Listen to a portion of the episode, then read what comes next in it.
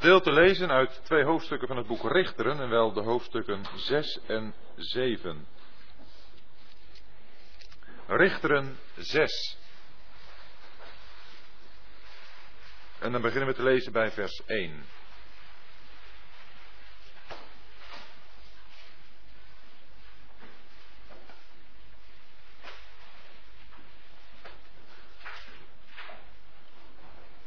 Maar de Israëlieten deden wat kwaad is in de ogen des Heren. Daarom gaf de Heer hen over in de macht van Midian gedurende zeven jaar, waarin Midian de overhand had over Israël. Uit vrees voor Midian richten de Israëlieten voor zich de schuilplaatsen in die in de gebergten liggen, de holen en burchten. Wanneer Israël gezaaid had, kwamen Midian, Amalek en de stammen van het oosten opdagen en trokken tegen hen op sloegen een kamp op in hun gebied en vernielden het veldgewas tot bij Gaza en lieten geen leeftocht over in Israël, geen schaap, geen rund of ezel. Want zij trokken op met kudden en tenten en ze kwamen talrijk als sprinkhanen.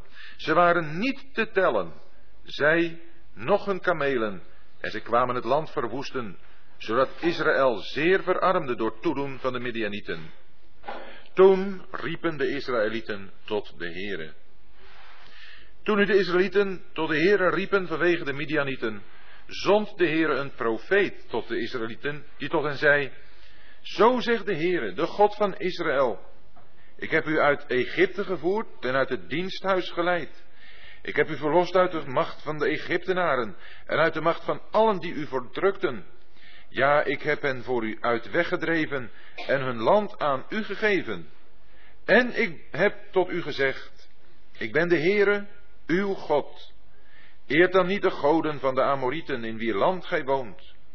Maar gij hebt naar mijn stem niet geluisterd.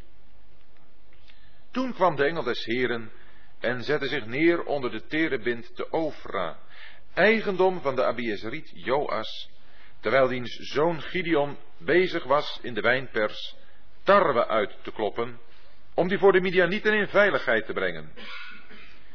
De engel des Heren verscheen hem en zei tot hem, de Heere is met u, gij dappere held. Maar Gideon zei tot hem, ach, mijn Heer, indien de Heere met ons is, waarom is dit alles ons dan overkomen? Waar zijn dan al zijn wonderen, waarvan onze vaderen ons vertelden, als ze zeiden, heeft de Heer ons niet uit Egypte gevoerd? Maar nu heeft de Heer ons verstoten en ons prijsgegeven aan de greep van Midian. Toen wendde de Heere zich tot hem en zeide, Ga heen in deze uw kracht en verlos Israël uit de greep van Midian. Ik zend u immers. Maar hij zeide tot hem, Ach Heere, waarmee zal ik Israël verlossen? Zie, mijn geslacht is het geringste in Manasse en ik ben de jongste van mijn familie. En de Heere zeide tot hem, Ik ben met u Daarom zult gij Midian verlossen, verslaan, als was het één man. Toen zeide hij tot hem, indien ik genade in uw ogen gevonden heb, geef mij dan een teken dat gij het zijt die met mij spreekt. Ga niet van hier weg voordat ik bij u terugkom en de gave die ik ga halen voor u neerleg. En hij zeide, ik zal blijven tot gij terugkomt. Toen ging Gideon naar binnen en bereidde een geitenbokje en ongezuurde broden van een eva meel. Het vlees deed hij in een mand en het vlees nat in een pot en hij bracht het hem onder de terebind en zette het hem voor. De engel God zeide tot hem, neem het vlees en de ongezuurde broden en leg ze op deze rots en giet het vlees nat uit. En hij deed dat. Toen strekte de engel des Heren de staf die hij in de hand hield uit en raakte met het uiteinde het vlees en de ongezuurde broden aan. En vuur steeg op uit de rots en verteerde het vlees en de ongezuurde broden.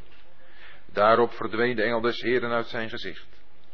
Toen begreep Gideon dat het de engel des Heren was en hij zeide, Wee mij, Heere, Heere, want ik heb de engel des Heren gezien van aangezicht tot aangezicht. Doch de Heere zeide tot hem, Vrede zij u, vrees niet, Gij zult niet sterven. Toen bouwde Gideon daar een altaar voor de Heere en noemde dat De Heere is vrede. Het staat tot op de huidige dag nog in Ofra der Abiezerieten. In die nacht nu zeide de Heer tot hem, neem een stier van uw vader, namelijk de tweede stier van zeven jaar, haal het altaar van Baal dat van uw vader is omver en hou de gewijde paal om die daarbij staat. Bouw dan een altaar voor de Heere uw God op de top van deze versterkte plaats. Breng het in gereedheid en neem de tweede stier en offer hem als brandoffer met het hout van de gewijde paal die gij zult omhouden. Toen nam Gideon tien mannen van zijn knechten en deed zoals de Heer hem gezegd had. Omdat hij dit echter uit vrees voor zijn familie en de mannen van, die stad, van de stad niet overdag wilde doen, deed hij het des nachts. En dan gaan we naar hoofdstuk 7. En dan lezen we ook vanaf vers 1. En Jerubaal, dat is Gideon, stond in de vroegte op met al het volk dat bij hem was. Ze legerden zich bij de bron Harod.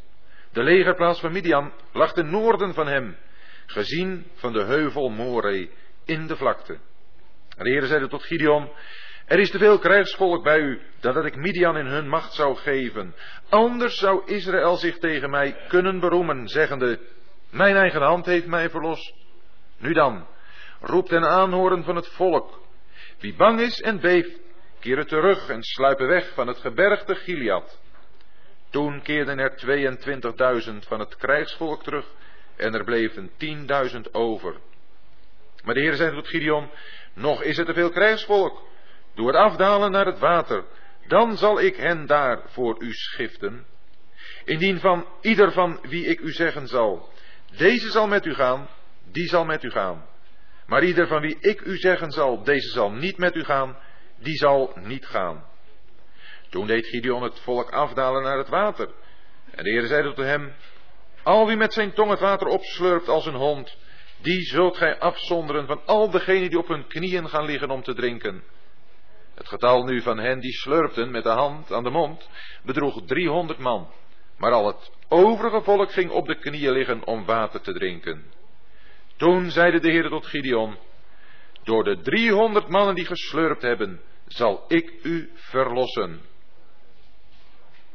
En dan vers 16. Toen verdeelde hij de driehonderd man in drie groepen en gaf hun allen horens en ledige kruiken in de hand met fakkels binnen in de kruiken. En hij zeide tot hen, gij moet op mij letten en doen als ik. Zie, wanneer ik aan de buitenrand van de legerplaats gekomen ben, doet dan als ik. Wanneer ik op de horen blaas met allen die bij mij zijn, dan moet ook gij op de horens blazen rondom de gehele legerplaats en roepen, voor de Heere en voor Gideon. Gideon nu en de honderd man die bij hem waren, kwamen aan de buitenrand van de legerplaats bij het begin van de middelste nachtwaken, toen men juist de wachtposten had uitgezet. Toen bliezen zij op de horens, terwijl zij de kruiken stuk sloegen, die zij in de hand hadden. Zo bliezen de drie groepen op de horens, braken de kruiken stuk en hielden in de linkerhand de fakkels en in de rechterhand de horens om te blazen en riepen, het zwaard van de Heere en van Gideon. Daarbij bleven ze staan, ieder op zijn plaats, rondom de legerplaats. Maar het gehele leger ging op de loop en vluchtte al schreeuwend. Terwijl nu de driehonderd op de horens bliezen, richtte de Heere in de gehele legerplaats het zwaard van de een tegen de ander. En het leger vluchtte tot Betsitta in de richting van Zerera, tot aan de oever van Abel Mehola, boven Tabat. Tot zover.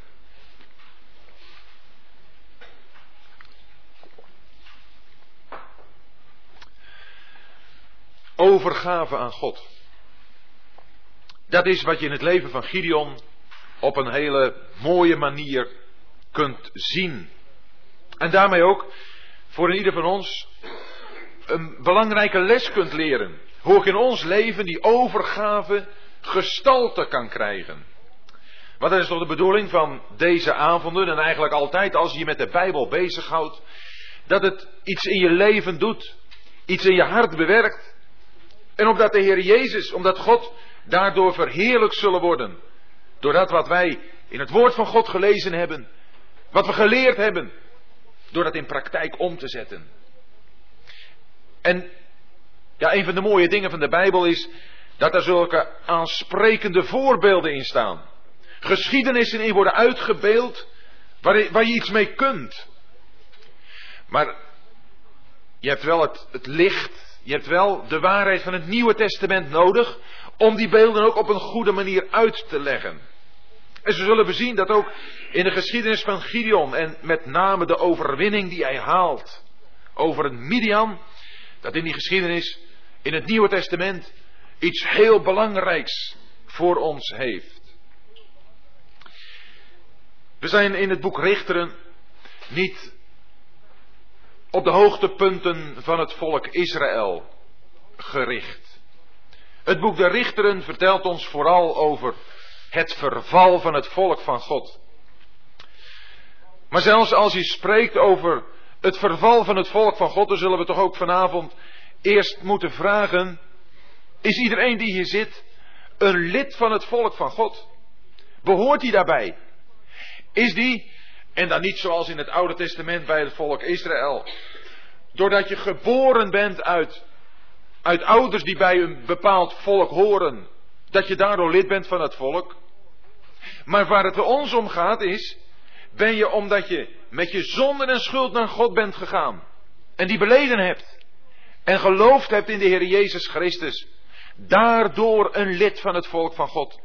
Het volk van God wat vandaag de dag genoemd wordt. De gemeente van de levende God. Maar die gemeente van de levende God heeft hier ook op aarde een, een weg te gaan, een, een leven te leven. Die gemeente van God bestaat uit feilbare mensen. En dat is wat wij in het volk Israël en de geschiedenis daarvan terugvinden. Wij als, en dan spreken we liever over christenen, mensen die beleiden bij Jezus Christus te horen. Wij als christenen kunnen ons denk ik wel herkennen in in de geschiedenis van het volk Israël. Met name zoals die ons in het boek Richteren wordt voorgesteld. Dan is het een geschiedenis die ja eigenlijk bergafwaarts gaat. Als je in het begin van het boek Richteren kijkt, dan, dan zie je daar hoe dat volk het land binnen is gekomen. Dat vind je dan in Jozua. Maar hoe dat volk dan het land in bezit moet gaan nemen. Daar is in Jozua een begin mee gemaakt, maar het boek Richteren zou daar eigenlijk een vervolg op moeten zijn in positieve zin. Maar vanaf het begin is het wel duidelijk dat Israël ongehoorzaam is aan de opdracht van God. Maar is er dan nog het, het geheel van het volk wat aangesproken wordt en wat God wil gebruiken om de vijanden uit Israël te verdrijven? Dat wil zeggen uit het land Canaan, wat God aan Israël gegeven heeft. Dan vinden we hier eigenlijk nog, nog maar, ja Gideon, maar dan met 300 man, door wie de Heere Israël wil verlossen. Terwijl we later nog weer verderop eigenlijk alle kracht samengebundeld vinden in één persoon. In die reusachtige Simpson. Zo vind je hoe, hoe het verval, verval steeds verder gaat. Dat verval, dat roept om Gods tuchtiging. En zo is het met Israël steeds opnieuw weer gegaan. Israël zondigde. En God moest vanwege de zonde die in Israël gevonden werd, een vijand brengen. Opdat Israël daardoor getuchtigd zou worden, in knechtschap zou komen. En daardoor, dat vinden we telkens opnieuw gelukkig, daardoor weer gaat roepen tot God om bevrijding. En dan is die genadige God aanwezig om telkens weer een bevrijder te geven. Een bevrijder die, die dat volk weer verlost van hun vijand. En dan lees je, en het land heeft weer zoveel jaren rust.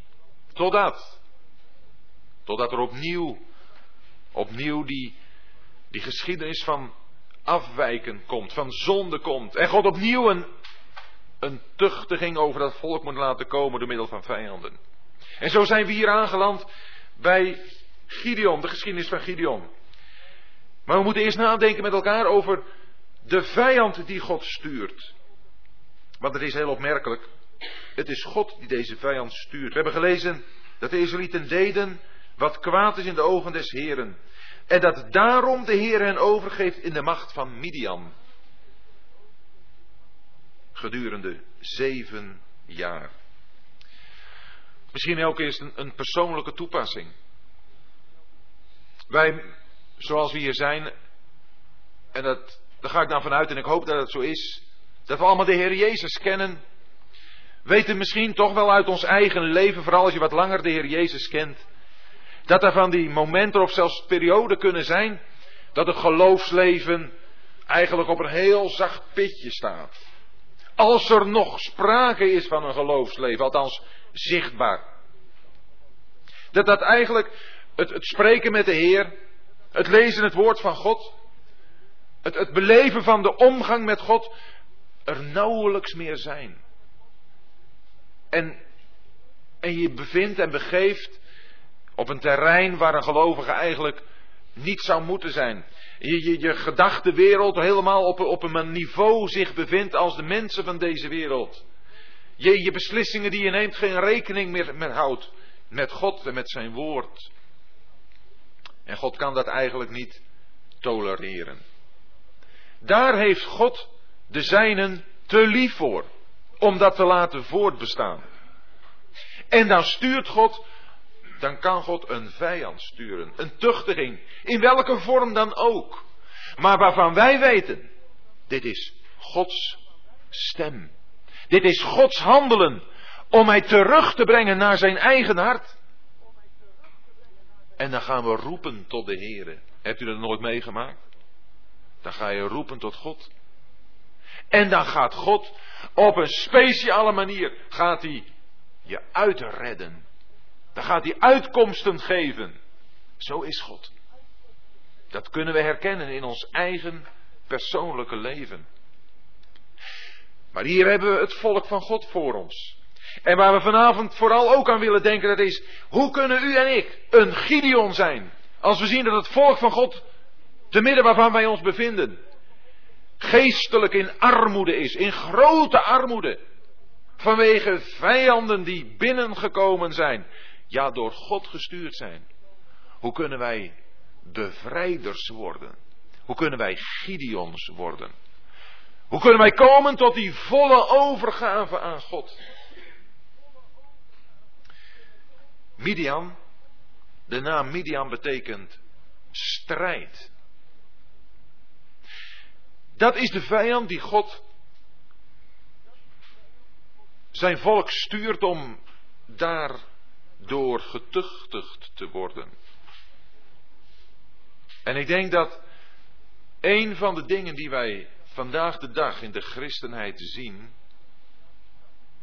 dat is dat er veel strijd is dat er veel gevochten wordt. Dat kan met letterlijke wapens gebeuren, zoals in Ierland zien, maar waar we het vanavond vooral over willen hebben, dat is met woorden. Elkaar met woorden bestrijden, met geschriften bestrijden. Een strijd die je krachten volledig in beslag kan nemen, waardoor je geestelijk verhongert, waardoor kinderen van God tegenover elkaar komen te staan. Waardoor ze uit elkaar gedreven worden. Waardoor de vrijheid die kinderen van God kan ken en mag kenmerken, verdwijnt. Strijd onder de kinderen van God. En heb ik het niet over een gerechtvaardigde strijd, zoals Judas erover spreekt, dat we moeten strijden voor het geloof dat eenmaal de heiligen is overgeleverd. Dat is een gerechtvaardigde strijd. Maar dan heb ik het over een strijd waarbij onze menselijke ideeën en opvattingen tegenover die van anderen komen te staan. En waardoor hele geloofsgemeenschappen verwoest worden. Hun helemaal in de greep krijgen. Waar jaloersheid komt. Waar men niet meer met elkaar kan, kan, kan praten. Waar men langs elkaar heen loopt. Waar men elkaar niet meer aankijkt waar een totale vervreemding komt. Waar men niet meer vrij uit met elkaar kan spreken over de dingen die werkelijk belangrijk zijn. De vrijheid is weg. De strijd als een vijand is binnengekomen. De vruchtbaarheid is weg. Het land brengt zijn vrucht niet meer op. Want als er iets opkomt, dan is de vijand er als een kippen bij om die vrucht weg te nemen. Uit het leven van de gelovigen komt geen vrucht meer voor God. En ook het voedsel is weg. De gelovigen voeden zich niet meer met de Heer Jezus. Deze vijand is op een ontzaglijke manier werkzaam. Op een buitengewoon listige manier. En er is maar één ding waardoor die vijand kan worden ontdekt, herkend en kan worden aangevallen, onschadelijk gemaakt. En dat is te roepen tot de Heer. Want daar begint het. Daar begint het. Toen riepen de Israëlieten tot de Heere. Doen we dat? Roepen we tot de Heere? Of, of hebben wij onze eigen strategie al klaar? Denken we toch dat wij in die omstandigheden, in die situaties, waarin die strijd zich voordoet, waarin persoonlijke belangen tegenover elkaar staan en uitgespeeld worden, denken wij dat dan wij de betere strategie kunnen ontwikkelen om ons voordeel te halen, onze winst te halen. Zolang dat aanwezig is, zullen we niet tot de Heere roepen en zullen we door deze vijand overmeesterd blijven en zal die armoede er zijn. Al zo verarmde Israël. Maar als er dat roepen tot de Heere is, dan, dan stuurt de Heere een profeet. De Heere zond profeet tot de Israëlieten. Het heeft me getroffen dat, dat er van deze man helemaal geen naam genoemd wordt. Weet u, een profeet, daarvan is toch helemaal niet belangrijk hoe die heet. Waar het bij een profeet op aankomt, dat is wat hij doet, de boodschap die hij te brengen heeft. En zo zou ik eigenlijk vanavond een profeet willen zijn. Totaal onbelangrijk. Maar dat het om de boodschap gaat. Heel mooi vind je dat ook in het Marcus-evangelie, waar de Heer Jezus als, als de profeet voorgesteld wordt. De, de knecht van God. Dat is een evangelie waar je helemaal geen geslachtsregister vindt. Geen afkomst. Vind je Matthäus? In Matthäus vind je het geslachtsregister van de Heer Jezus. Ja, maar daar is het ook belangrijk, omdat daar aangetoond moet worden dat de Heer Jezus werkelijk een wettelijk recht op de troon heeft van David. In het Lucas-evangelie is het ook belangrijk dat het geslachtsregister getoond wordt. Want daar moet aangetoond worden dat de Heer Jezus waarachtig mens is. Het Johannes-evangelie heeft geen geslachtsregister. Maar daar is het heel duidelijk waarom niet. Maar daar gaat het over de Heer Jezus als de eeuwige zoon.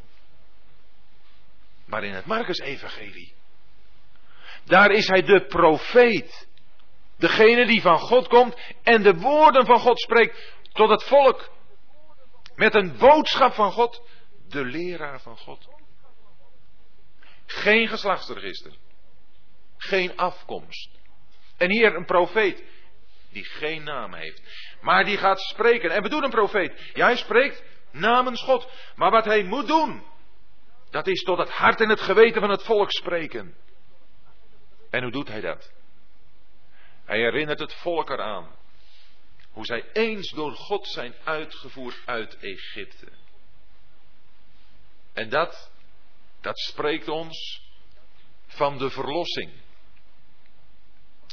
En als wij ons bewust zijn dat de vijand Midian macht over ons gekregen heeft, twist of strijd, dan zullen we in de eerste plaats eraan herinnerd moeten worden dat wij ook eens verlost zijn geworden. Verlost uit de macht van de vijand. Verlost door het werk van de Heer Jezus Christus op het kruis. Want weet u, op het kruis, geconfronteerd met de Heer Jezus Christus, zoals hij aan het kruis wilde sterven. Daar zie ik de enorme ontfermende genade van God over mij. Daar zie ik Dat ik toen met mezelf aan het einde was gekomen. Dat ik niets meer had in te brengen. En wat zou ik dan nu nog willen proberen om op mezelf te handhaven? Elke zelfhandhaving, waardoor strijd komt, die moet geoordeeld worden bij het kruis. En dan moet ik herinnerd worden aan dat wat de Heer Jezus voor mij heeft gedaan toen Hij daar stierf. En wat er met mij in Hem is gebeurd toen Hij stierf. Dat heeft God gedaan in Christus. En willen wij daaraan herinnerd worden? Wil ik daaraan herinnerd worden?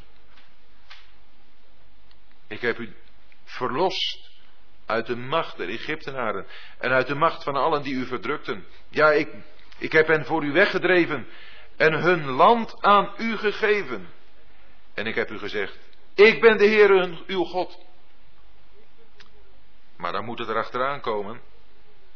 Eer dan niet de goden van de Amorieten in wier land gij woont, maar gij hebt naar mijn stem niet geluisterd. Ja, een profeet is iemand die woorden spreekt tot het hart en het geweten van het volk van God. Maar die moet er ook geen doekjes om winden. Die moet eerlijk zeggen waar het op staat. Niet omdat hij belangrijk is, maar omdat hij een boodschap van God heeft. En hij moet zeggen, jullie hebben niet geluisterd naar de stem van de Heere God. Wat doet zo'n woord bij ons? Is er misschien vanavond hier die, die daarin zichzelf moet herkennen? Ik weet het. Die moet zeggen, ik weet het, ik, ik ben hier of daar ongehoorzaam in geweest. Daar moet het beginnen. Als er een echt roepen tot God is. Een echt verlangen om bevrijd te worden van deze vijand. In ons persoonlijk leven, in ons gezinsleven, in, in het leven van de vergadering, van de geloofsgemeenschap.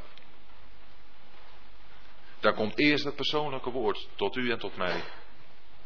Je hebt niet geluisterd naar de Heer. Je bent ongehoorzaam geweest. En laten we dat dan erkennen. En dan kan Gideon als het ware geboren worden. Dat wil zeggen, dan kan de persoon van Gideon in ons leven naar voren komen. En wat is dat voor een man, deze Gideon? Want direct erop gaat het verder. Toen kwam de engel des Heren en zette zich neer onder de terebint te Ofra. Waar Gideon dus bezig is met het. Bezig was met de, in de wijnpers tarwe uit te kloppen. Ofra betekent stof. En is dat niet een, een buitengewoon sprekende naam voor de plaats waar Gideon zich bevindt? Waar u en ik gevonden zullen worden wanneer wij echt tegenover de Heer erkennen, wij hebben gezondigd, ik heb gezondigd.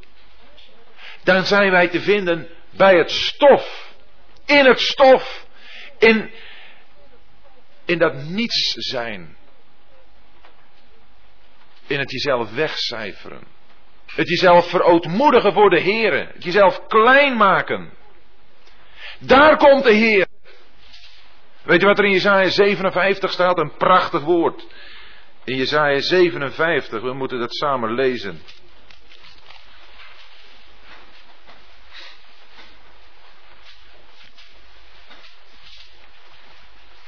Jezaja 57 vers 15 is een, een bekend woord en een, een, een prachtig woord. Maar het heeft me laatst getroffen dat we in vers 14 eigenlijk al moeten beginnen. Het tweede deel van vers 14, daar staat. Verwijdert de struikelblokken van de weg mijns volks. Met andere woorden, doe weg uit je leven wat niet goed is. Verwijder die struikelblokken. Want, en dan krijgen we dat prachtige vers 15. Zo zegt de hoge en verhevene, die in de eeuwigheid troont en wiens naam de heilige is. In de hoge en in het heilige woon ik. En bij de verbrijzelde en nederige van geest. Om de geest der nederigen en het hart der verbrijzelde te doen opleven. Daar woont de Heer. In het hoge en verhevene. En in bij die een verbrijzelde en nederige van geest is. Nou, daar zit Gideon in het stof. En daar komt de Heere, de engel des Heren, is namelijk een, een personificatie van, van de Heere zelf. En die komt daar bij hem, bij Gideon. En zo wil de Heer bij ieder van ons komen. Als wij zo gevonden worden. Daar bij Ofra, daar in het stof. En wat is Gideon daar aan het doen? Gideon is daar tarwe in de wijnpers aan het uitkloppen.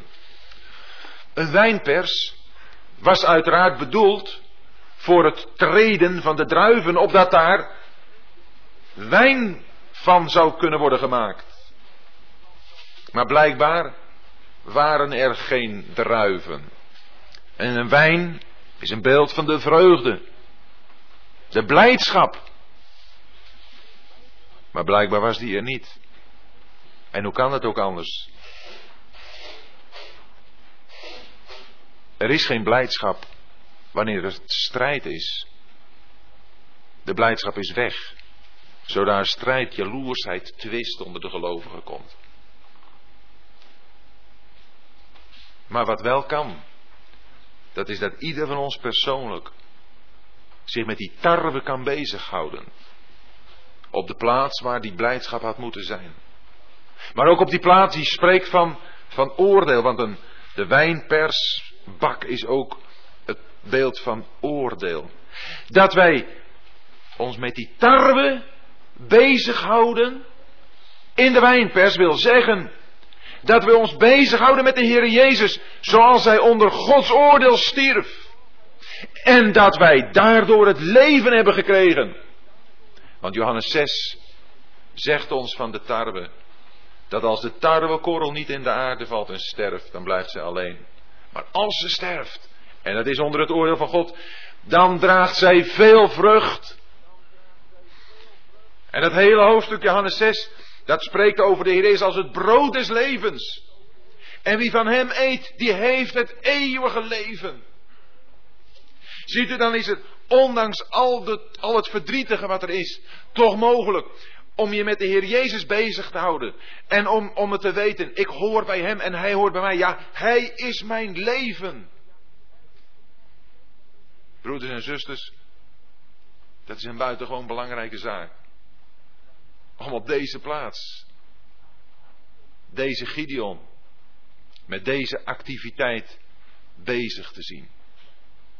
En dat is een belangrijk woord voor ieder van ons. Dat wil zeggen voor ieder die weet en voelt in welke omstandigheden wij ons bevinden als christenen. Een belangrijke plaats om, om daar bezig te zijn. En dan kan het niet anders, maar daar openbaart de Heer zich aan je. Daar komt dan de engel des Heren. En die gaat je aanspreken. Die gaat je aanspreken. Zoals hij dat bij Gideon doet. Gideon, die, uh, die wilde zorgen dat, dat de Midianieten niet al het voedsel in handen kregen. Want laten we dat goed beseffen dat er kunnen zoveel dingen zijn die ons bezig kunnen houden. Waardoor we zouden kunnen vergeten te genieten van de Heer Jezus. Dat we toch ons met de Heer Jezus bezighouden. Laten we dat nooit vergeten. Maar dan komt de Heer. En dan verschijnt de Heer hem en zegt: De Heer is met u, gij dappere held. De Heer is met u, gij dappere held. Nou, Gideon die, die is misschien, misschien wel een hoedje geschrokken. En dan nog aangesproken te worden ook als dappere held. Hij die daar een beetje stiekem bezig was. Stiekem, omdat hij niet door de vijand wilde gezien worden. En toch een dappere held, ja. Dapperheid in de Bijbel is heel wat anders dan wat wij onder dapperheid verstaan. Dapperheid in de Bijbel is inderdaad je, je zo bezighouden met de Heer Jezus dat, dat de vijand geen kans krijgt om dat wat je van de Heer Jezus gezien en genoten hebt weer van je weg te nemen. En Gideon, die, die gaat dan met de Heer spreken. Maar Gideon zei tot hem, och, mijn Heer, indien de Heer met ons is, waarom is dit alles ons dan overkomen? Heel mooi is dat. Heel mooi is dat wat Gideon hier zegt. Hij zegt, Heer, hij zegt niet, ach Heer, waarom is mij dat nou allemaal overkomen? Nee, Gideon zegt, waarom is ons dit allemaal overkomen? Gideon weet zich één met het volk van God. Gideon vereenzelvigt zichzelf met het volk van God. Hij plaatst zich daar niet boven. Hij zegt niet, nou het hele volk dat, dat is gevlucht en, en, en ze geven de vruchtbaarheid van het land allemaal maar prijs aan, aan, aan de vijand. En gelukkig, ik, ik kan nog een klein beetje, kan ik nog een beetje voor mezelf verzamelen. Gideon die weet zich één met het volk van God, ook wanneer het onder de tucht van God te lijden heeft. Waarom is ons dit alles dan overkomen? Waar zijn dan al zijn wonderen waarvan onze vaderen ons vertelden? Waar zijn al die wonderen? Kan je soms zo te moede zijn? Als je terugdenkt aan geschiedenissen die je wel eens gelezen hebt, denk ik, in boeken. Ja, ook in de Bijbel natuurlijk. Maar ook in de hele kerkgeschiedenis. Van mensen die, ja, die met de Heer toch geweldige dingen gedaan hebben. In moeilijke tijden overwinningen voor de Heer hebben gehaald. Voor Hem gestaan hebben, voor Hem gestreden hebben. En dan kun je jezelf soms zo, ja, haast vergeten voelen. Waar is de Heer nou? Waar, ja, waar zijn al zijn wonderen nou? Het lijkt wel of dat het allemaal opgehouden heeft. Waar zijn ze, die wonderen? Maar weet u, de Heer doet wonderen. Ook vandaag nog. Alleen is er maar de vraag, geloven wij daar nog in? Of denken we dat we het alleen maar in inderdaad mooie, stichtelijke boeken kunnen lezen? En we kunnen er niet genoeg lezen. Maar of de Heer alleen maar toen werkte. 100 jaar geleden of 200 jaar geleden. Maar de Heer werkt ook nu nog. In uw en mijn leven. En hij wil ook nu nog wonderen bewerken. Maar geloven wij het nog? Geloven wij echt dat de Heer Jezus Christus dezelfde is? Gisteren. En heden. En tot een eeuwigheid. Geloven we dat echt? Of geloven we het wel? Tuurlijk, we weten dat het in de Bijbel staat. En we zijn orthodox genoeg om het ook nog te beamen. Tuurlijk. Geloof alles wat er in de Bijbel staat. Nou inderdaad, we geloven het ook wel. Maar ligt die uitdaging erin voor u en voor mij? Om God als een God van wonderen te zien en te verwachten dat Hij ook nu nog wonderen doet. Want dat doet Hij. Ook vandaag. En denkt u maar eens even aan uw eigen leven. Heeft God nog nooit een wonder gedaan in uw leven? En ik bedoel helemaal niet daar spectaculaire dingen mee. Voor uw buurman of buurvrouw hoeft het helemaal niet een wonder te betekenen, maar voor u was het een wonder. Toen er dit of dat gebeurde, of u dat of dat bezoek kreeg. Dat was een wonder, een antwoord op uw gebed. En ieder van ons kan, ons kan toch wel iets van die wonderen, denk ik, vertellen. Als u een leven met de Heer hebt, dan hebt u wonderen beleefd. Wonderen waar hij door groot gemaakt wordt. Maar je kunt het zo vlug vergeten. Waar zijn die wonderen van toen? Waar zijn ze gebleven? De Heer zegt, beproef mij. Ik weet het staat in, in een ander verband in, in Malachi. Het gaat er over het geven, het weggeven van, van geld. De tienden gaat het daarover. Maar goed voor ons, voor onze bezittingen dan. Onze geld, onze goederen. Dan zegt de Heer, beproef mij toch daarin. Geef het maar, geef het maar voor het werk van de Heer. Of ik dan niet de sluizen van de hemel zal openen. Hebt u wel zo'n ervaring meegemaakt? Het is een hele praktische ervaring. Heel praktisch. Die ieder van ons kan waarmaken. Ik bedoel, waar ieder van ons toe wordt uitgedaagd door de Heer. Geef het maar. En ik zal de sluizen van de hemel openen. Ja, maar zo, zo is de Heer nog steeds hoor. We weten waar het door komt, ons kleingeloof, mijn kleingeloof. Of omdat we denken, ja, de Heer doet het wel, maar niet bij mij. Maar de Heer wil het doen. Bij ieder van ons. Waar is de God van de wonderen? Zo voelde Gideon zich. Waarom heeft de Heer ons niet uit. Toen heeft de Heer ons toch uit Egypte verlost. Maar nu heeft de Heer ons verstoten en ons prijsgegeven de greep van Midian. Toen wendde de Heer zich tot hem en zeide, ga heen in deze uw kracht en verlos Israël uit de greep van Midian. Ik zend u immers. Kijk, als je zo in gesprek bent met de Heer, dat is mooi. Ik vind dat prachtig bij Gideon. Heb je meer voorbeelden van in de Bijbel. Van mensen die gewoon heel open met de Heer praten. Geen blad voor de mond nemen. Precies zeggen hoe ze het voelen. En dat heeft de Heer graag. Zie je bij Mozes. Mozes ook, die, die wordt naar Egypte gestuurd. Nou, wat de man hier allemaal voor tegenwerpingen heeft. In Exodus 2 en 3. En de Heer die antwoordt steeds. Tot er een moment komt hij zegt, en nou ga je Mozes. Dat zie je ook bij, eh, bij Ananias in handelingen, als hij naar Paulus moet, Saulus toen nog. Ga naar, ga naar Saulus. Ja, maar heer, die man die heeft zoveel kwaad gedaan. Maar zegt hij ook, heer, zegt hij, Ananias, ga. Moet gewoon gaan. Gideon, ga. Maar als de Heer zegt ga, dan zegt hij er ook bij, ik zend u immers. Dat betekent, je mag gaan in het bewustzijn van de opdrachtgever. En we zullen dadelijk nog iets zien. Maar dat is het eerste. Wij mogen gaan vanuit een opdracht die ons gegeven is. Niet in onze eigen kracht. Niet met onze eigen pretenties of aanmatigingen. Van daar kom ik, ik zal dat wel even doen. We hebben een opdracht gekregen. En die hebben we uit te voeren. Maar Gideon is nog niet klaar met zijn tegenwerpingen. Gideon zegt, ach heren, waarmee zal ik Israël verlossen? Zie, mijn geslacht is het geringste in Manasse. En ik ben de jongste van mijn familie. Dat is een gevaarlijk argument. Levensgevaarlijk. Te zeggen dat je het niet kunt. Dat lijkt heel, heel erg ootmoedig. Ja toch? Ja, wie zijn wij nou toch eigenlijk? Maar het kan ook heel erg verkeerd zijn. Want daarmee kun je je onttrekken aan een taak die de Heer je geeft. Als je die gelijkenis van de talenten hebt, van de, van de man die er vijf krijgt, de andere twee en de derde krijgt één talent, dan, dan lees je daar dat de man met de vijf talenten er vijf bijwint. En de man met de twee er twee bijwint. En de man met de één er niks bijwint. Want die stopt hem in de grond. Die begraaft hem in een zweetdoek.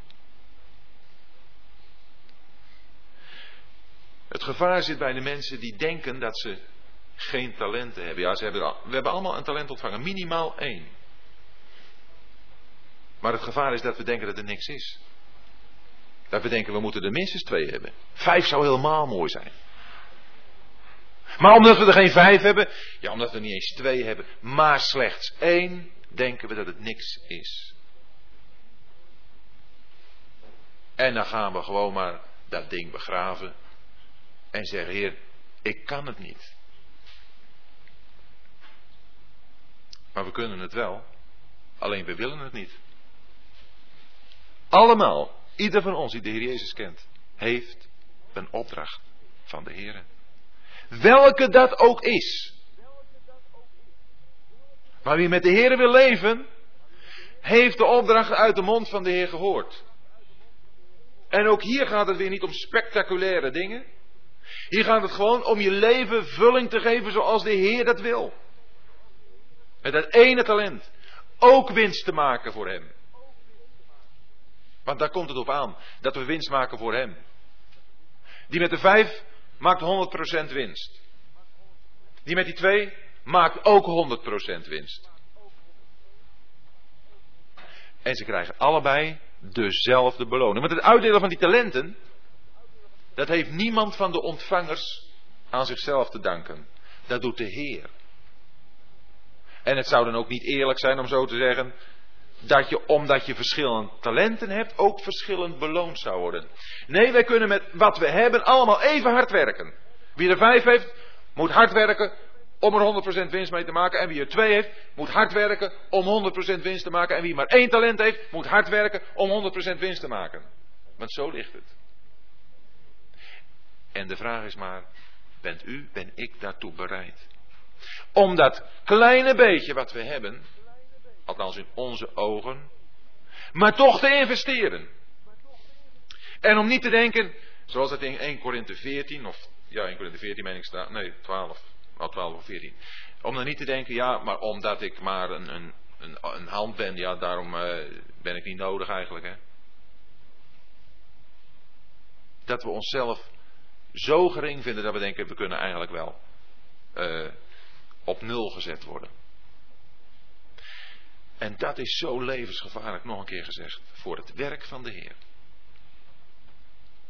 En het zijn juist diegenen die menen dat ze maar dat ze te weinig hebben. Het zijn juist diegenen die niets doen. En dat leger, dat groeit. Dat vertel ik u. Maar ik hoop dat aan dat leger vanavond wat mensen ontrokken worden. Om te gaan horen bij diegenen die als een Gideon inderdaad zeggen, heer, wat kan ik eigenlijk? Maar zo moeten we inderdaad wel komen hoor. Wat kunnen we eigenlijk? Maar waar Gods kracht dan in gaat werken. Mijn kracht wordt in zwakheid volbracht. En ieder van ons, en of we nou twee of vijf of honderd talenten hebben, zal moeten zeggen: Heer, ik kan het niet in eigen kracht. Ik kan het niet in eigen kracht. Maar u kunt de kracht geven. En daarom is het zo geweldig wat er achteraan staat. In vers 17. Toen zeide hij tot hem. Nee, in vers 16 is het nog. En de Heere zeide tot hem: Ik ben met u. Ja, is dat niet geweldig? Ik ben met u. De Heer heeft eerst gezegd: Ik zend u. Ja, Heer, ik kan het helemaal niet. Ik ben met u. Daar komt de Heer bij je. Je hoeft het ook niet alleen te doen. Wat je ook te doen hebt. Maar de Heer is bij je. En hoeveel gelovigen in alle tijden heeft het al een enorme steun gegeven. En voor wie is het al een grote bemoediging geweest wat de Heer Jezus gezegd heeft in Matthäus 28. Zie, ik ben met u. Alle dagen tot aan de voleinding van de eeuw. In welke omstandigheid ook. Ik ben met u. Wel, Gideon. Gideon is eigenlijk overtuigd. En, en wat Gideon dan nog wil doen, dat is de Heer een offer brengen. Als ik dan genade gevonden heb in uw ogen. Wel, weet je, als je zo ver gekomen bent. Dan, dan is die overgave is er eigenlijk al. Als je zo ver gekomen bent, dan wil je de Heer daarvoor gaan bedanken. Dan ga je niet als een raad offer brengt. En hoe Gideon, wanneer hij dat offer gebracht heeft, diep onder de indruk komt van de Heere zelf. Want daar, ziet hij dan als het ware in het offer de Heere Jezus. En dan zegt hij, oh wee mij, in vers 22. Wee mij, Heere, Heere, want ik heb de engel des Heeren gezien van aangezicht tot aangezicht.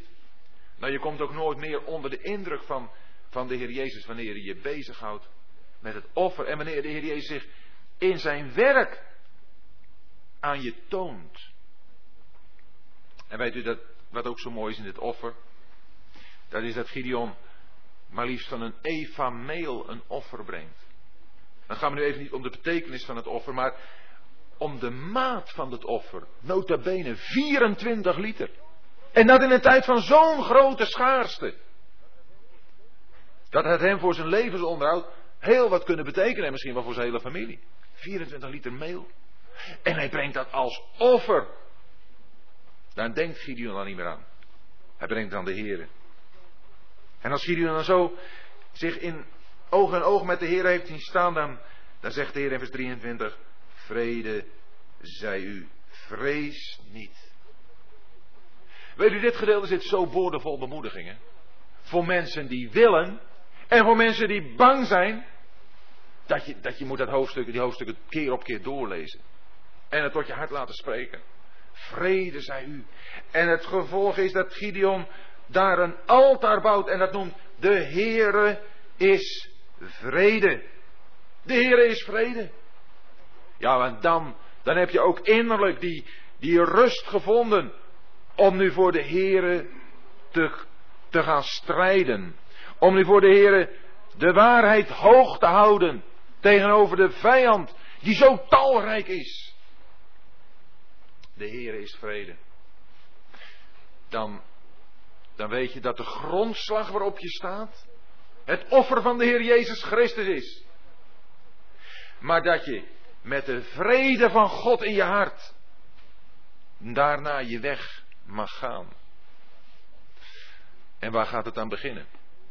Waar gaat dan de overwinning die je mag gaan halen voor de Heer over de vijand en ten behoeve van het volk, waar gaat die beginnen? Die begint thuis. Gideon, die krijgt de opdracht om thuis in het huis van zijn vader een stier te nemen en ook het altaar van Baal omver te houden. Weet u de naam Gideon? Wat die betekent? Die betekent omhouwer, neerwerper. Omhouwer. Dat is precies wat je hier vindt. Waar Gideon begint met omhouden, met neerwerpen, dat is thuis. Zijn er in uw huis, in uw hart, in uw leven dingen die omgehouden moeten worden, waarvan u weet, die had ik eigenlijk niet moeten toelaten in mijn huis, niet moeten toelaten in mijn leven. Dan moet u daar beginnen. Maar als je dat hele proces meegemaakt hebt Gideon, dan wil je dat ook hoor. Dan wil je dat ook. Ja, dan kun je best bang zijn. Kijk, die bangheid, die angst. Ja, ik vind het begrijpelijk. Ik herken het ook.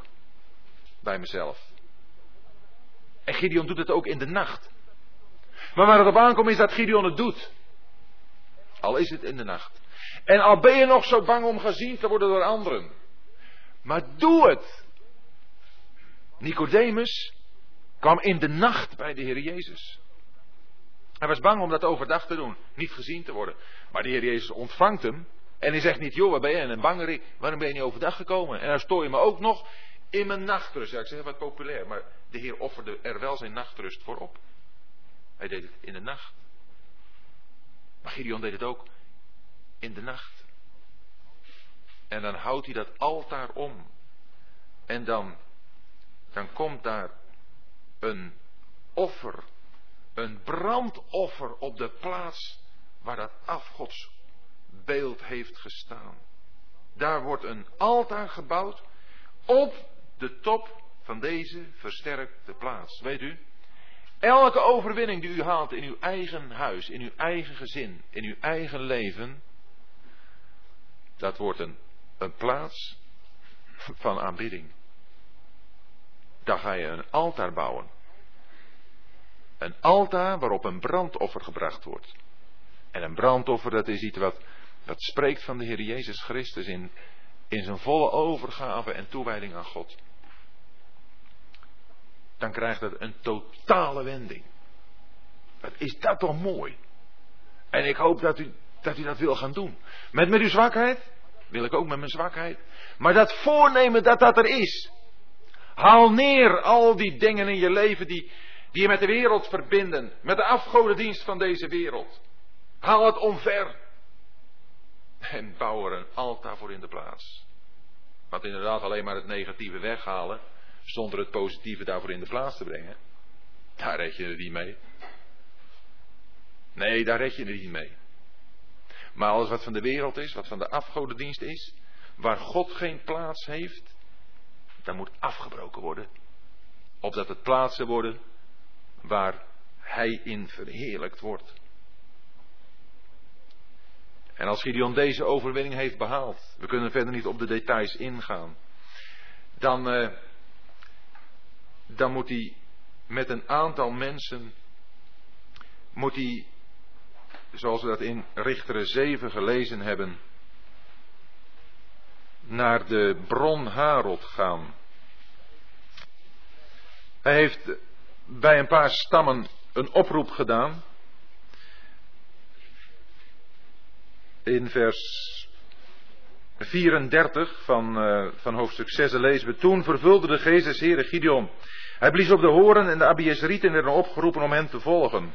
Ook zond hij boden uit door geheel Manasse. En ook dat werd opgeroepen om hem te. Ook zond hij boden uit door Aser, Zebulon en Naphtali. En deze trokken op om zich bij hem aan te sluiten. Dus uit die verschillende stammen komen de mensen, de mannen die strijden kunnen naar hem toe. En dan, nou dat lijkt een aardig leger. Maar uh, de Heer zegt, Het is te veel. Het is te veel.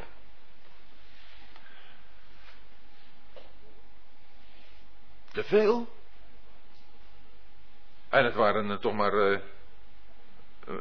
enkele tienduizenden. Te veel? Ja, te veel. En de Heer zegt, opdat het volk niet zal zeggen dat het in eigen kracht zich van de vijand heeft ontdaan. Daarom moeten er een aantal weg. Ja, dat Gideon op 300 zou uitkomen, dat wist hij ook niet hoor. Kijk, voor ons is die geschiedenis vrij bekend. Maar Gideon wist dat niet. Misschien dat hij al gedacht heeft, nou met die, met die enkele tienduizenden, wat, wat, wat kan ik daar nu mee aanrichten tegen die, tegen die menigte van vijanden die zich tegenover ons bevinden. Nee, de Heer zegt, wie bang is, die mag weggaan. Die mag zich aan de strijd onttrekken. En dan gaat het dus om degenen die echt bang zijn. Die gewoon tegen de strijd opzien. Er is niemand van ons hier vanavond die gedwongen wordt om te strijden. En ook vanavond wordt er tegen u en mij gezegd: als je bang bent, mag je gaan.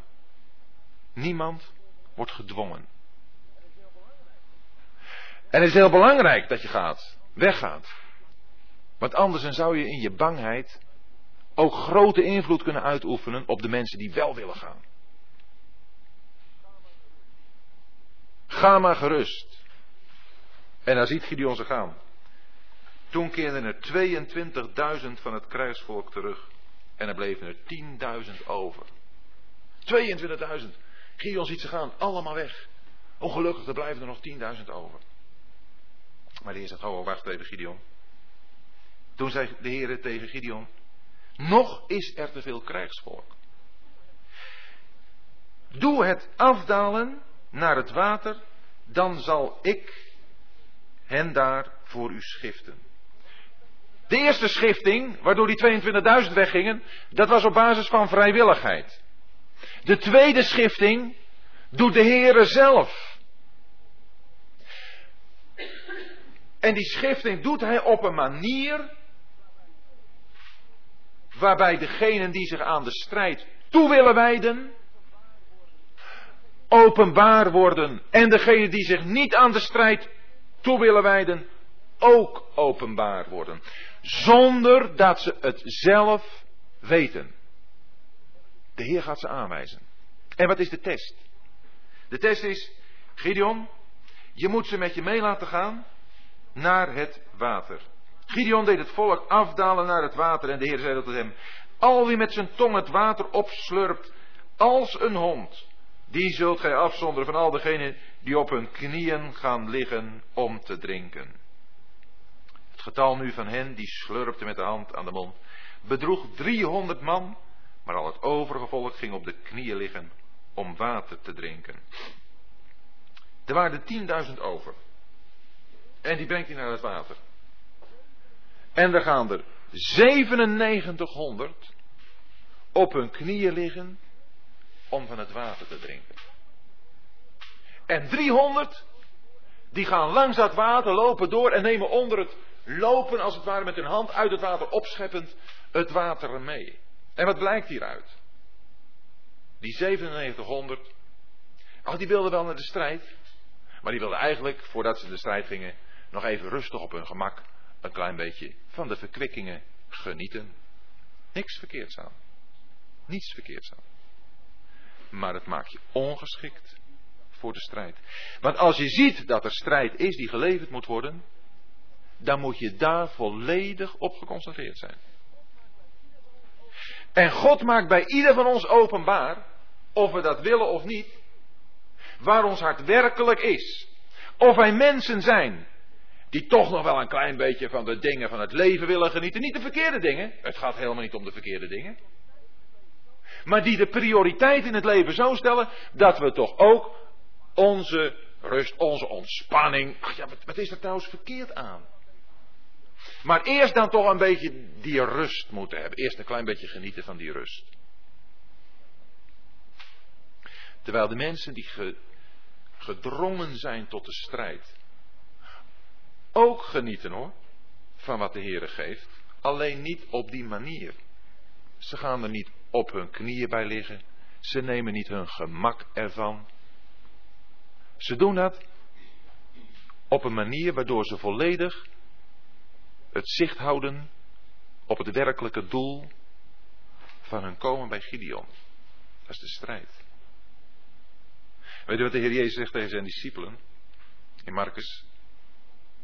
Jullie mogen een ogenblik bij mij komen. Komt hier bij mij in deze woeste plaats alleen en rust een weinig. Want de Heer weet dat we rust nodig hebben. Ieder van ons heeft rust nodig. En zeker als je in de gloed van de strijd staat. En je kunt pas eigenlijk vertrekken vanuit een stuk rust. Maar de Heer zegt, komt hier bij mij. Dat is bij Hem. Die rust kun je niet in de wereld vinden. Op een woeste plaats. Die rust, die rust kun je niet vinden in de aantrekkelijke dingen van deze wereld. Bij mij alleen. En rust, daar is die rust. Een weinig. Gewoon met mate. Een beetje. Niet overdreven. De mensen van deze wereld, die hebben niets anders. Die leven van vakantie naar vakantie. Van uh, weekend naar weekend. Van plezier naar plezier. Nou, we mogen de Heer danken voor een fijne vakantie. We mogen onze vakantie plannen in overleg met de Heer. Fijn is dat. Maar is het ook zo dat zo'n vakantie dan voor ons dient om er daarna met frisse moed weer tegenaan te kunnen? En is het ook zo dat wij onze vakantie nodig hebben omdat we een klein beetje opgebrand zijn in de dienst van de Heer? En waar zijn de weekenden van ons voor? Voor onszelf of voor de Heer? Ik denk dat het heel belangrijk is dat we ons leven eens in dat perspectief bezien. Want we kunnen wel zo klagen over strijd, over twist, over dingen die gevonden worden. Maar als we er echt mee zitten, dan zullen wij ook een toerusting willen ondergaan als Gideon en zijn 300 mannen. En of je niet oud bent of jong, dat maakt allemaal niets uit. Het gaat om het verlangen van ons hart. De inzet van ons leven. Ieder met zijn capaciteiten, daar komt het weer. Ieder met zijn eigen capaciteiten, maar die hebben we allemaal. We hebben die allemaal, gelukkig. En ieder op zijn eigen terrein. Ieder heeft zijn eigen gebied daarvoor. Alleen willen we het zien en willen we ons aan overgeven. 300 man blijft er over. 9700 man mag vertrekken. Misschien zijn ze wel geschrokken. Ik ongeschikt voor de strijd. Misschien zijn ze wel geschrokken. Ja, kan best heilzaam zijn dat eens een keer schrikken. Maar het is heel belangrijk dat we ons realiseren waar ons leven werkelijk om draait. Waar het in ons leven echt om gaat. En we kunnen allemaal, echt waar, allemaal kunnen we bruikbaar zijn voor de Heer. We kunnen echt allemaal een Gideon zijn. En dan gaan ze. En deze 300 man, daar zegt de Heer van, Gideon, daar zal ik Midian door in uw macht geven. En wat moeten deze 300 man doen? Die, uh, die krijgen een vreemd wapentuig mee. Die krijgen een horen mee waar ze op moeten blazen. Een kruik mee waar ze een fakkel in moeten doen. Drie dingen. Notabene, moet je daar nu een machtig leger als dat van Midian mee gaan verslaan? Jazeker. Jazeker. Daar kun je het alleen mee doen. Met die kruik. En met die fakkel. En met die horen. Ik wil u graag een tekst lezen uit 2 Korinthe 4. Om u een klein beetje aan te geven wat die wapenrusting van Gideon en zijn 300 mannen ons te vertellen heeft.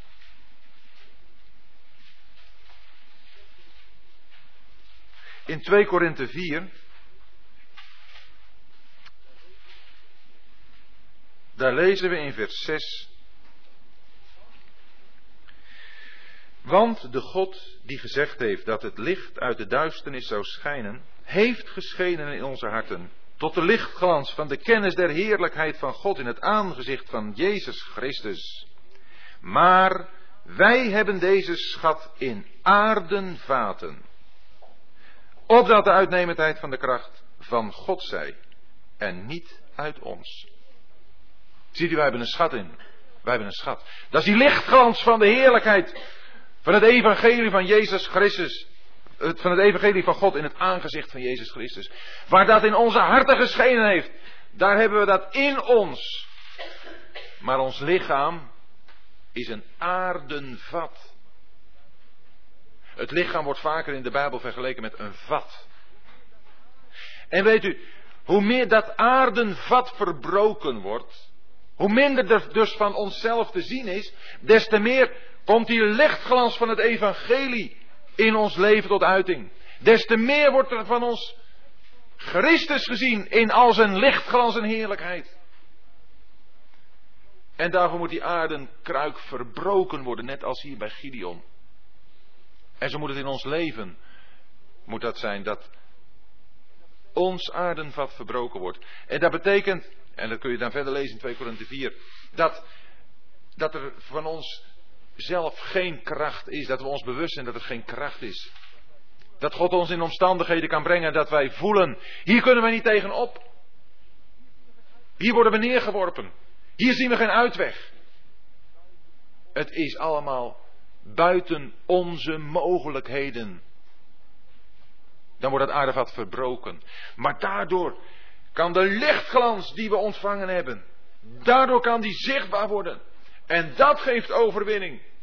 Maar dan staan die mensen, drie hopen van elk honderd man. Dan staan ze op een heuvel rondom dat leger van Midian.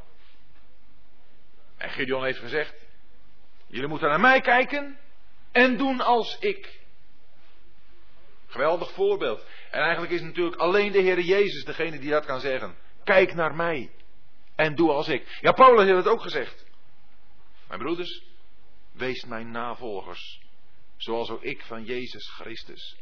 Kijk naar mij, zegt Gideon. En doe als ik. En dan komt dat moment dat Gideon die kruik stuk slaat. En dat doen ze dan allemaal. En dan worden al die fakkels worden zichtbaar. En wat moet er nog gebeuren?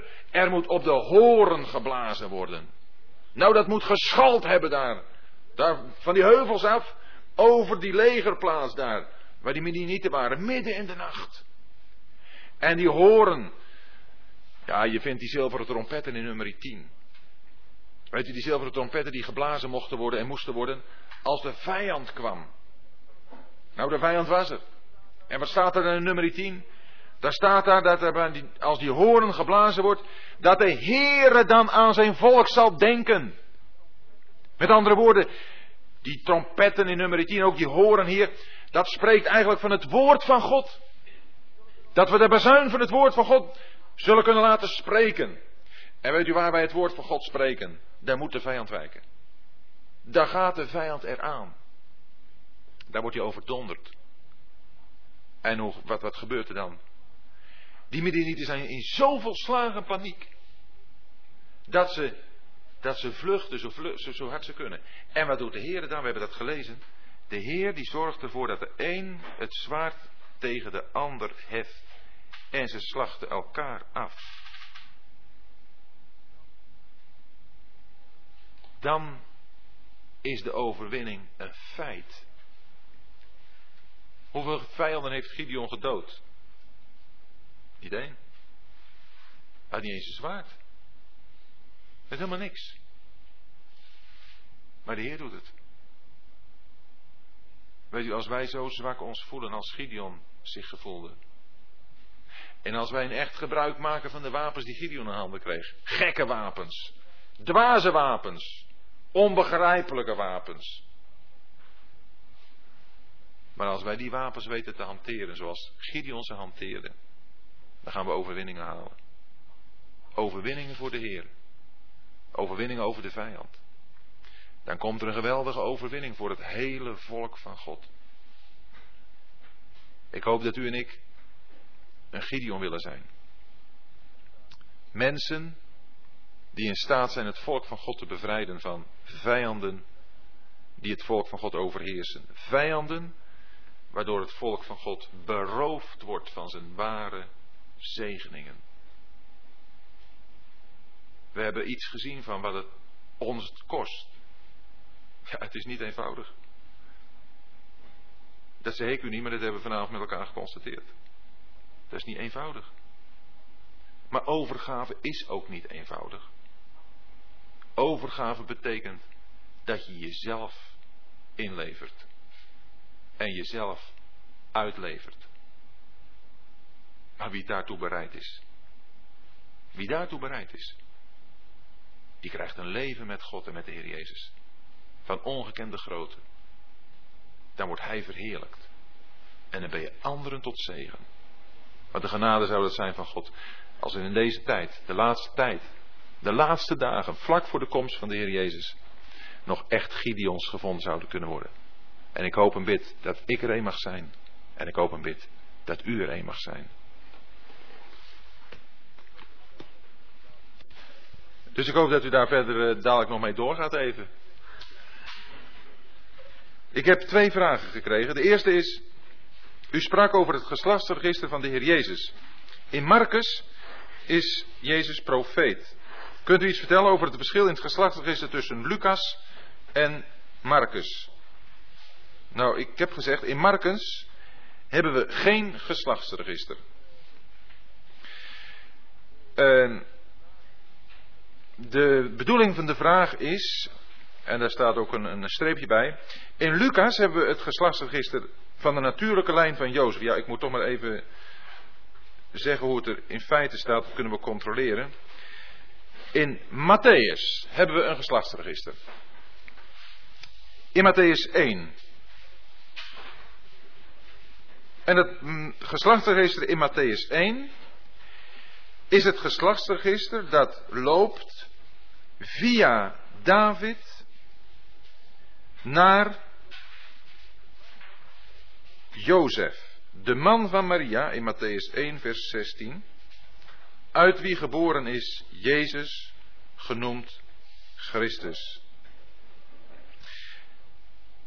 Dus het is daar het geslachtsregister van Jozef, met wie Maria getrouwd is, en uit Maria is dan de Heer Jezus geboren.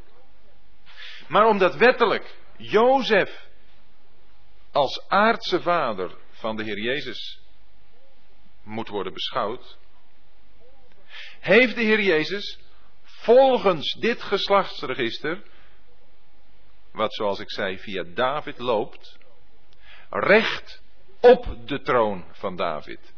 Is hij de wettelijke troonopvolger uit het geslacht van David.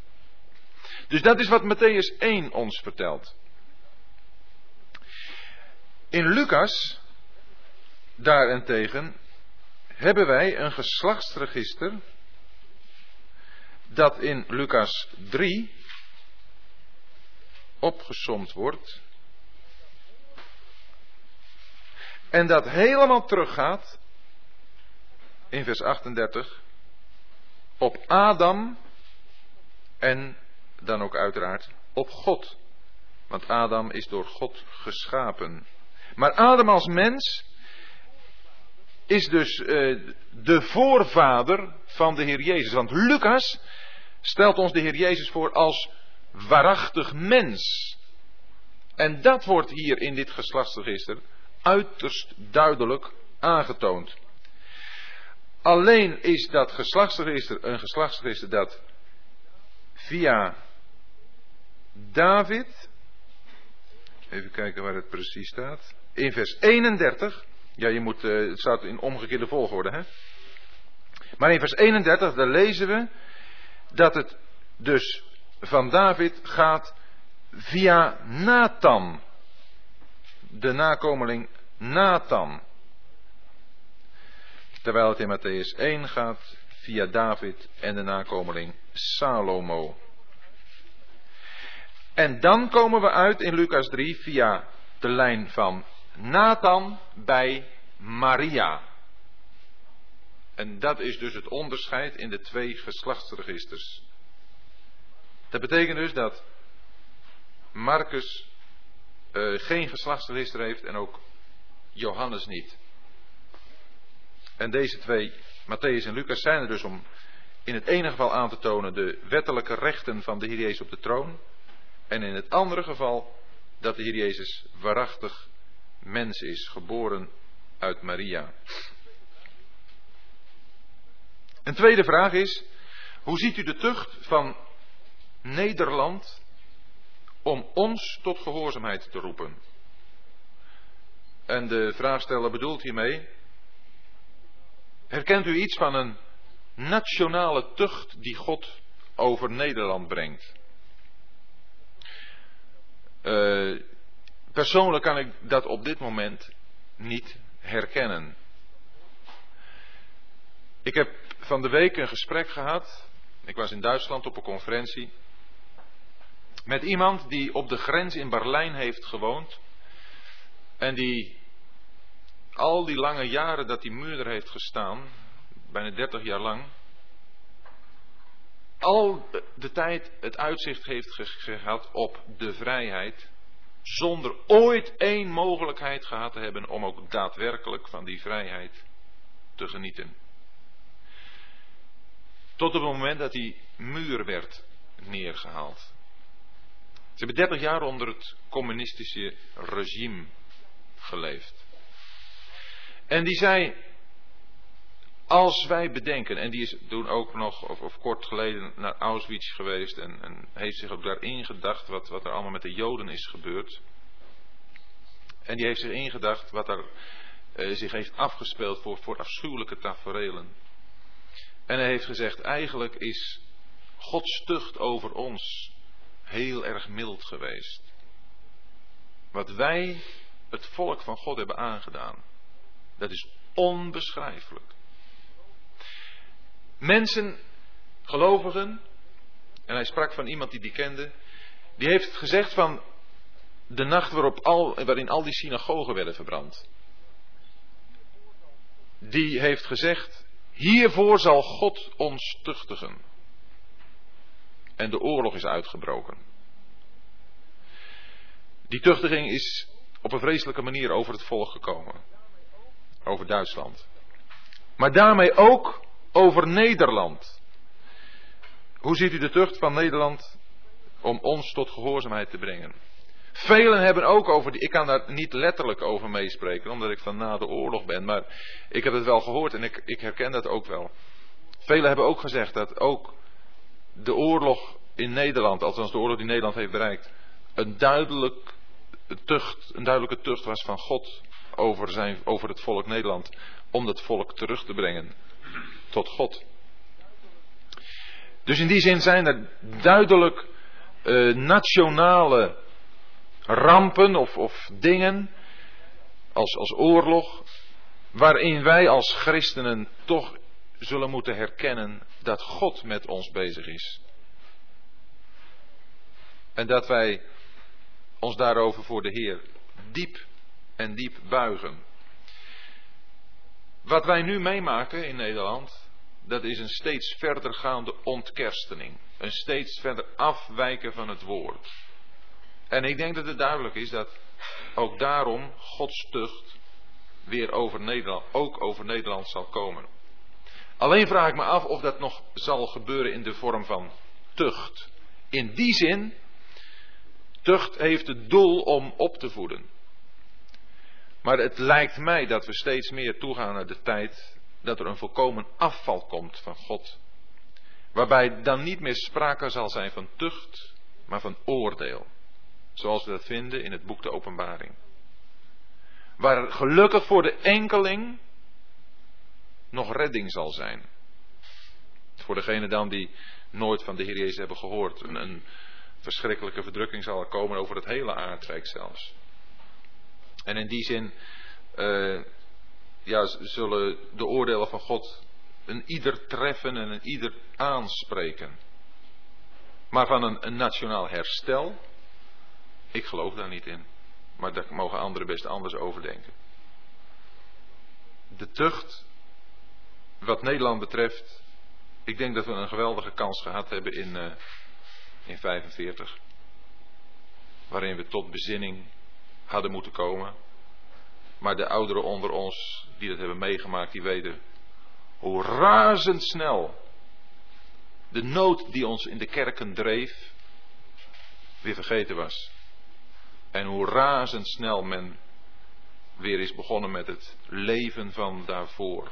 Maar in een hele betere, tussen aanhalingstekens, staat. Waardoor we weer vlugger vergeten zijn wie God is. En we zullen dat eh, denk ik allemaal herkennen. Ik denk dat het heel belangrijk is dat wij de tucht van God in ons eigen leven herkennen. Als we een kind van God zijn, dan is Gods tucht in ons leven een tucht waardoor Hij ons wil opvoeden. Waardoor Hij ons steeds meer gelijk vorm wil maken aan het beeld van de Heer Jezus. Hebreeën 12 zegt ons dat God zijn kinderen tuchtigt, opdat ze aan zijn heiligheid zouden deel krijgen. Dat is Gods zorgende, liefdevolle tucht. Een bewijs dat we kinderen van God zijn. Want welke zoon is er die zijn vader niet tuchtigt? God tuchtigt iedere zoon die je aanneemt. Als je geen tuchtiging hebt, ben je een bastaard, staat daar. Geen zoon. Alleen we moeten met die tucht op een goede manier omgaan, dat staat er ook. En ik hoop dat wanneer wij zo in, in beproevingen komen, in tucht die we als zodanig ervaren, dat het ons uh, niet wanhopig maakt aan de ene kant, maar ook niet ongevoelig maakt aan de andere kant. Maar in werkelijkheid ons daar brengt wat God ons hebben wil, bij Hemzelf, aan zijn hart. Wat is het geweldig zo'n God te kennen, die zo in liefde met ons bezig is. Dat waren mijn uh, schriftelijke vragen die ik gekregen heb.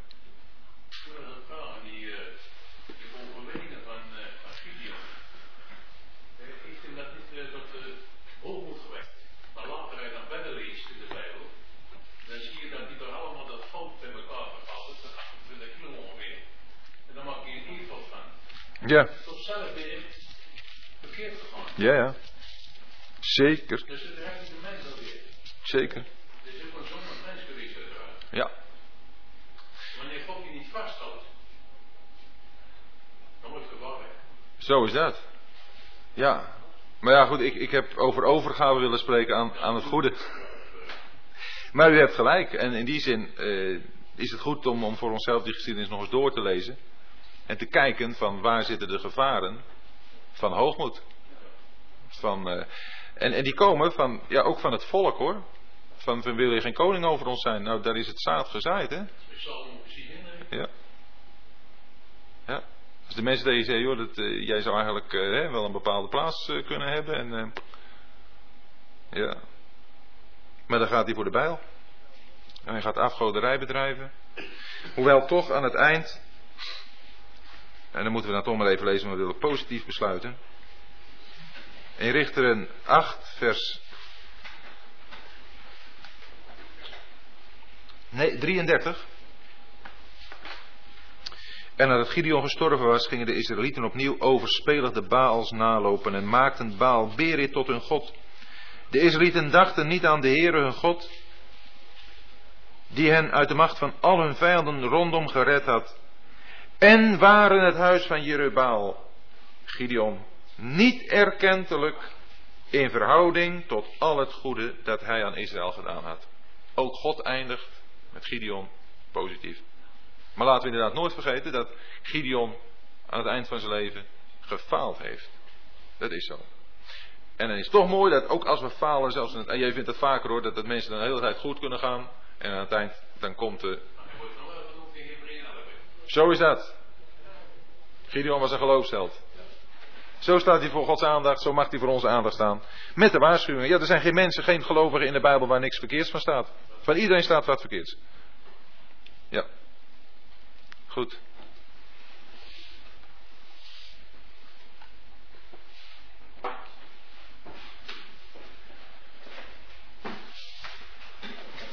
Zullen we met elkaar zingen van die 68, het eerste